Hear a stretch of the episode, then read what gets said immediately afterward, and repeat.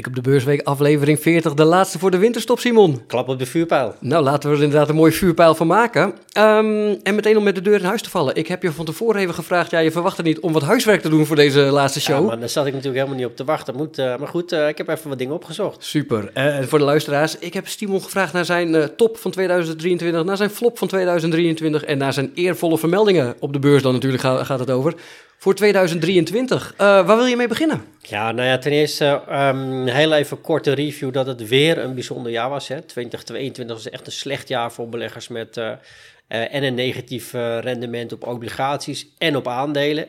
dat gebeurt niet vaak in combinatie die twee. Gelukkig, als we dan terugkijken, het jaar is nog niet helemaal om, maar die boeken gaan bij de meeste partijen wat dichter. We verwachten ook geen hele grote beweging meer staan er voor en zowel aandelen als obligaties toch hele fraaie plussen op de borden. Dus uh, dat na alle ja, turbulentie die we gedurende het jaar toch wel hebben gehad. Hè. Als we even teruggaan naar de start van dit jaar. In januari gingen we echt wel goed uit de startblokken weg. Was echt een, een, goede maand januari. En vrij kort daarna kregen we al de zorgen over die, die bankencrisis in, in Amerika met de Silicon Valley Bank, als je het nog herinnert. Jazeker. het omvallen van Credit Suisse. zorgen over inflatie aantrekkende rentes door centrale banken die veel verder gingen dan we hadden verwacht. De Magnificent Seven, geef ik al even een voorschotje op de toppers. Um, die, die, die we zagen. En ja, de ontwikkeling op de inflatie- en rentemarkt. Uh, met name die rentemarkt die in de afgelopen, wat is het, vijf, zes weken enorm in beweging is. En uh, ja, toch weer leidt tot, uh, tot optimisme op de beurs. Het is, een, het is een, wat dat betreft een opmerkelijk jaar. Hè? Het pakt nog de Midden-Oosten-crisis erbij. Ja. Oekraïne gaat natuurlijk ook gewoon door. Ja, het, de wall of worry, hè, waar je het over hebt, die, die was er zeker wel. Die, die, was er zeker. En die moeten natuurlijk eigenlijk ook altijd een beetje zijn. Hè? Dat klinkt een beetje tegenstrijdig, hè? maar voor de ervaren beleggers... als niemand zich meer zorgen maakt dan maak ik me juist zorgen. Kijk. En uh, zolang er wat, uh, wat zorgen zijn in de wereld, dan betekent het ook dat je als belegger een risicopremie kunt verdienen. Die kun je oogsten door rustig te blijven op momenten dat het spannend wordt. Ja, en ook kalm te blijven op het moment dat de koersen doorstijgen. Uh, en je ja, een beetje voorzichtig moet zijn met, met winst nemen. Hè. Laat dan je profits run. En um, Um, ja, wees dan ook niet, uh, niet te nerveus op het moment dat, uh, dat we een keer wat winstnemingen zien. Of er wat spanningen zijn, zoals we dat inderdaad voor het laatst in oktober zagen. Uh, binnen no time kan het weer goed gaan. Hè? Dat zien we in die, die run-up van de SP. Wat schreef ik vanochtend? Plus 16% volgens mij vanaf eind oktober. Ja, dat is natuurlijk gigantisch. Als je dan net op dat moment na die invallen in, in Israël door Hamas was uitgestapt uit ja, in blinde paniek ja, dan, dan mis je gewoon heel veel. En ondertussen staan we nou, je op of rond recordniveaus met de DAX, met de Kakaran, met de Dow Jones. Uh, de S&P zat er uh, tot uh, eergisteren dicht tegenaan. De Nasdaq 100 op een nieuwe all-time high. Dus ja, het kan ook zomaar weer verkeren. Kijk, goede wijze woorden om het jaar mee af te sluiten. En eigenlijk goede wijze woorden voor elk jaar als Altijd. belegger. Um, door naar de toppers, de floppers en de eervolle vermeldingen. Ja, de, de toppers. Nou, de toppers, en dat zal um, uh, niemand verbazen, dan uh, begin ik met de term Magnificent Seven. Ik zag uh, trouwens dat die van de week ook wordt uitgezonden op tv. dan, de klassieke met Steve McQueen? Ja, volgens mij wel. Ja, nou, jij weet beter dan ik, jouw ja, favoriet. Ik ben fan van de westerns. Dus, nou, misschien ga ik hem toch ook een keer kijken. Moet je doen, Want die, ja, die Magnificent Seven, daar verstaan we natuurlijk onder in de beleggingswereld de top 7. Amazon, Apple, Meta, um, welke mis ik? Alphabet, Microsoft, Nvidia en Tesla. Um, dat zijn de aandelen die met name in Amerika de kar hebben getrokken. En als we kijken naar het rendement uh, van de topper, is het Nvidia. Hè, de maker van, uh, ja, voorheen waren dat uh, alleen maar de grafische kaarten die door computermensen volop werden geroemd en geloofd. of ja, geroemd met name. Um, omdat die de beste performance leverde. Later kwam daar die, eh, de Bitcoin mining industrie bij. En tegenwoordig praten we natuurlijk eh, over artificial intelligence. En uh, is Nvidia een van de grootste spelers daarin. En werd beloond met een koerswinst van 230%. Moet wel zeggen dat een aantal van die aandelen het vorig jaar ook bijzonder slecht hebben gedaan. Dus ook deels een, een inhaal. Um, stuk, maar in Nvidia, het geval van Nvidia ook echt wel een duidelijke plus ten opzichte van, van twee jaar geleden. 230% plus Meta, dus um, oh ja, Facebook, Instagram, you name it, um, 190% plus. maar laten we ook niet vergeten hier in, in Amsterdam best wel wat interessante stijgers. Zeker. Nog even terug naar die Magnificent Seven. Want je, ja, ik ben een grote filmliefhebber, dus je triggert me daar een beetje mee. in de Magnificent Seven, in die jaren 60 versie moet ik dan inderdaad zeggen, gaan vier ervan die gaan dood. Er blijven drie over. Oh, echt? Ja, in het laatste gevecht, weet je, met de grote boef moeten ze dan uh, de grote schieterij. Gaat helemaal mis. Uh, drie overleven het. Als jij uh, nu misschien een beetje speculatief oh. vraag je, wie zijn jouw favoriete drie? Oh, nou, als ik kijk naar, ik denk de komende jaren, ja, dan zet ik toch wel Nvidia op één. ik denk dat zij echt in de sweet spot zitten. Ja, weer een beetje een, weet je, een marketingterm misschien, maar echt in het segment waarbij zij echt kunnen voldoen aan, uh, aan de vraag die er is van, uh, van iedereen die zich uh, wil, wil optrekken met artificial intelligence. Dus dat is één. Um, kijk ik naar eentje die mij toch wel verbaasd heeft, Microsoft. de afgelopen jaren toch een beetje gezien als een, oh ja, wat, wat kan daar nou nog mee gebeuren aan groei? Maar het is gewoon een heel steady bedrijf geweest die zich heel goed heeft ontwikkeld. Goed meedoet in, in de cloud business, wat zeg ik meer dan goed. En als je kijkt naar de performance over de afgelopen jaren, gewoon um, uh, bijzondere uh, sterke performance. Dan, um, als ik even te denken, Meta of, uh, of Alphabet. Meta vind ik wat. nee, dan kies ik er eentje die er niet in zit. Dat mag ook, vooruit. Ja, die zit niet in de Magnificent 7, maar dat is AMD. we kennen natuurlijk allemaal Intel van de processors, maar volgens mij draait mijn laptop op een AMD-processor. En eh, AMD is uh, denk ik ook naast Nvidia een, of kan een van de winnaars zijn op het gebied van artificial intelligence.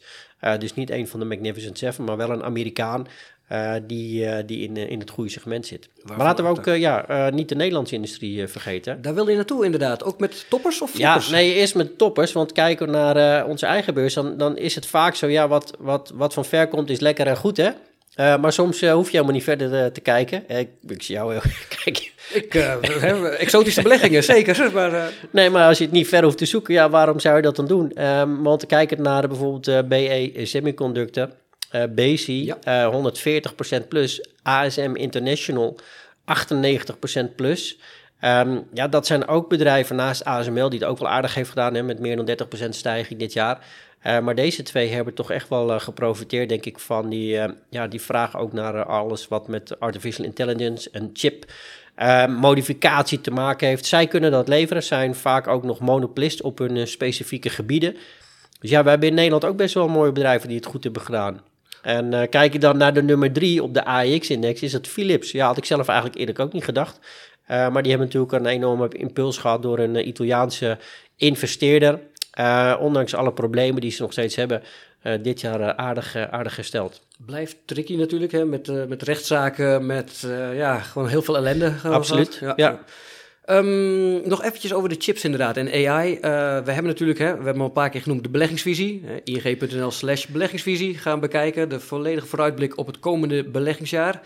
Um, hoe zien we het daar voor de chips, die net, de chipmakers? Die, ja, ik denk toch dat um, uh, die vooruitzichten best goed zijn. En um, dat wordt eigenlijk uh, gesteund ook door de laatste berichten die we krijgen. Gisteravond na bus was het Micron Technology. Um, misschien bij niet iedereen bekend, maar dat is een Amerikaanse chipproducent die zich vooral bezighoudt met, uh, met geheugen. Dus met, met weer de eenvoudige chips. Maar die zien na een hele tijd van, van slechte marktomstedigen dat dat aantrekt, dat het verbetert. En dat ja, dat sterkt ons ook in de gedachte dat, um, nou ja, wat we in onze visie al hebben uh, uitgesproken, dat de IT-aandelen ook voor het komend jaar en wellicht het jaar erop ook, ja, wat ons betreft, heel aantrekkelijk zijn. Wordt vaak gedacht dat die aandelen, die Magnificent Seven, heel duur zijn geworden. Nou ja, als je puur alleen kijkt naar de koersstijging dit jaar, kan ik me dat heel goed voorstellen.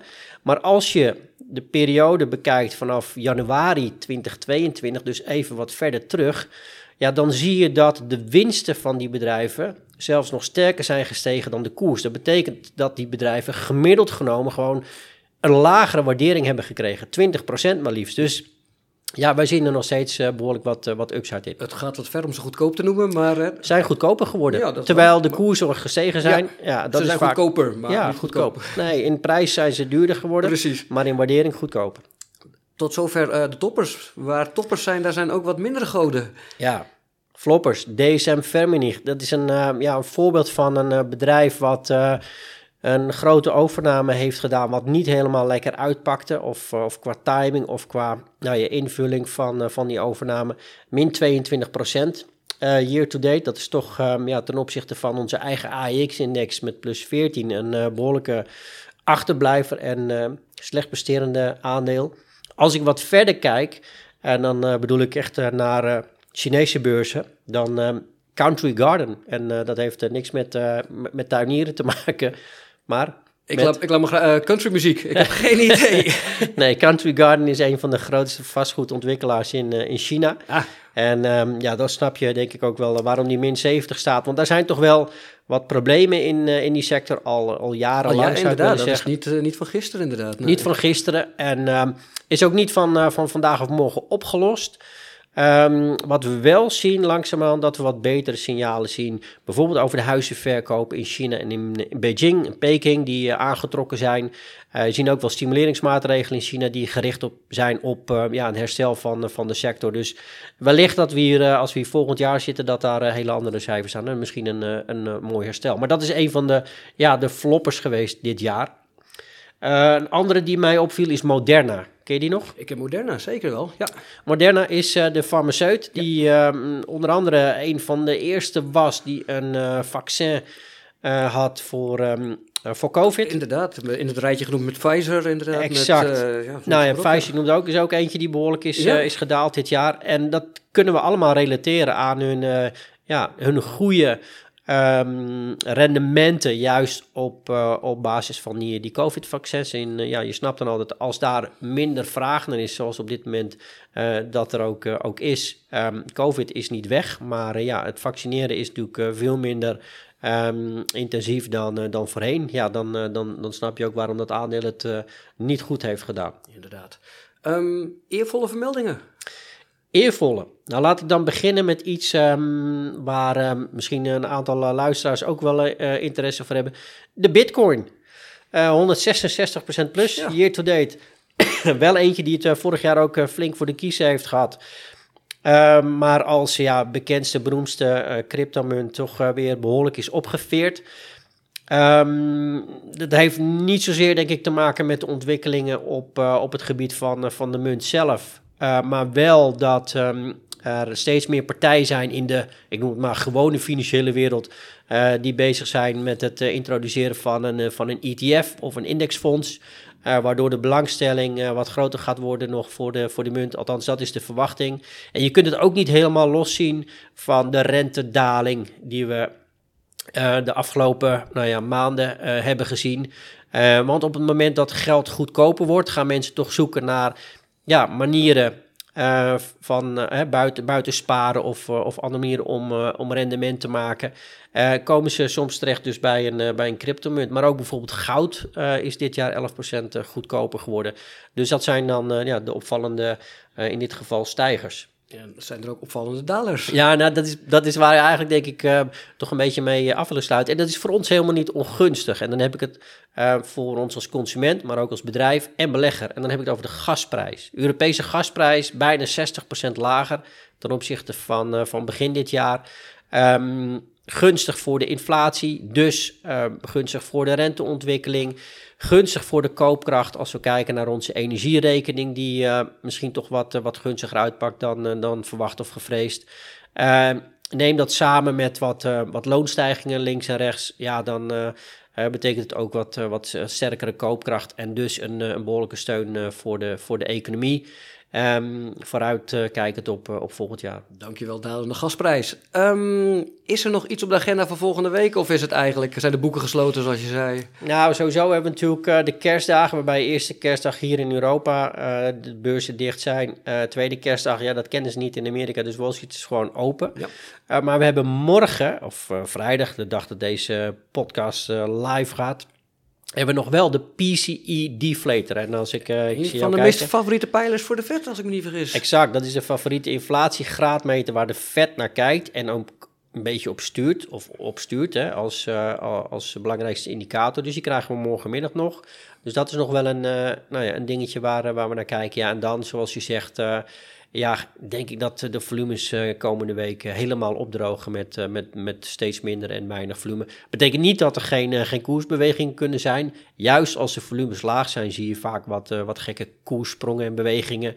ook nog wat window dressing, zoals we dat zo mooi heet, noemen. Um, waarbij portefeuille-managers proberen om ja, de minder presterende fondsen nog eens een keer... Verlieslatingen die worden afgewipt. Precies, die worden eruit gewipt. dus die kunnen nog eens een keer een tikkie krijgen... waarbij juist de aandelen die het best hebben gepresteerd... misschien nog wat worden bijgekocht om het nog mooier te laten lijken. Alles voor die eindejaarsbonus, ja, exact. inderdaad. Um, Simon, rest mij nog één ding. Jou te bedanken voor dit mooie jaar.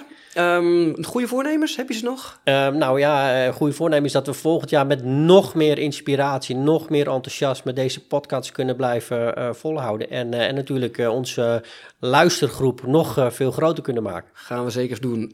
luisteraars, ing.nl slash beleggingsvisie. Kan je nog eens even de hele visie van het ING Investment Office rustig nakijken. Nakijken op de video of nalezen wat jij wil. Of luisteren als podcast, waarom ook niet. Simon, nogmaals bedankt. Beste wens alvast. Jij ook. Tijd voor de kerstborrel, hè? Tijd voor de kerstborrel. Tot uh, over een paar weken. Tot volgend jaar. Hoi, hoi.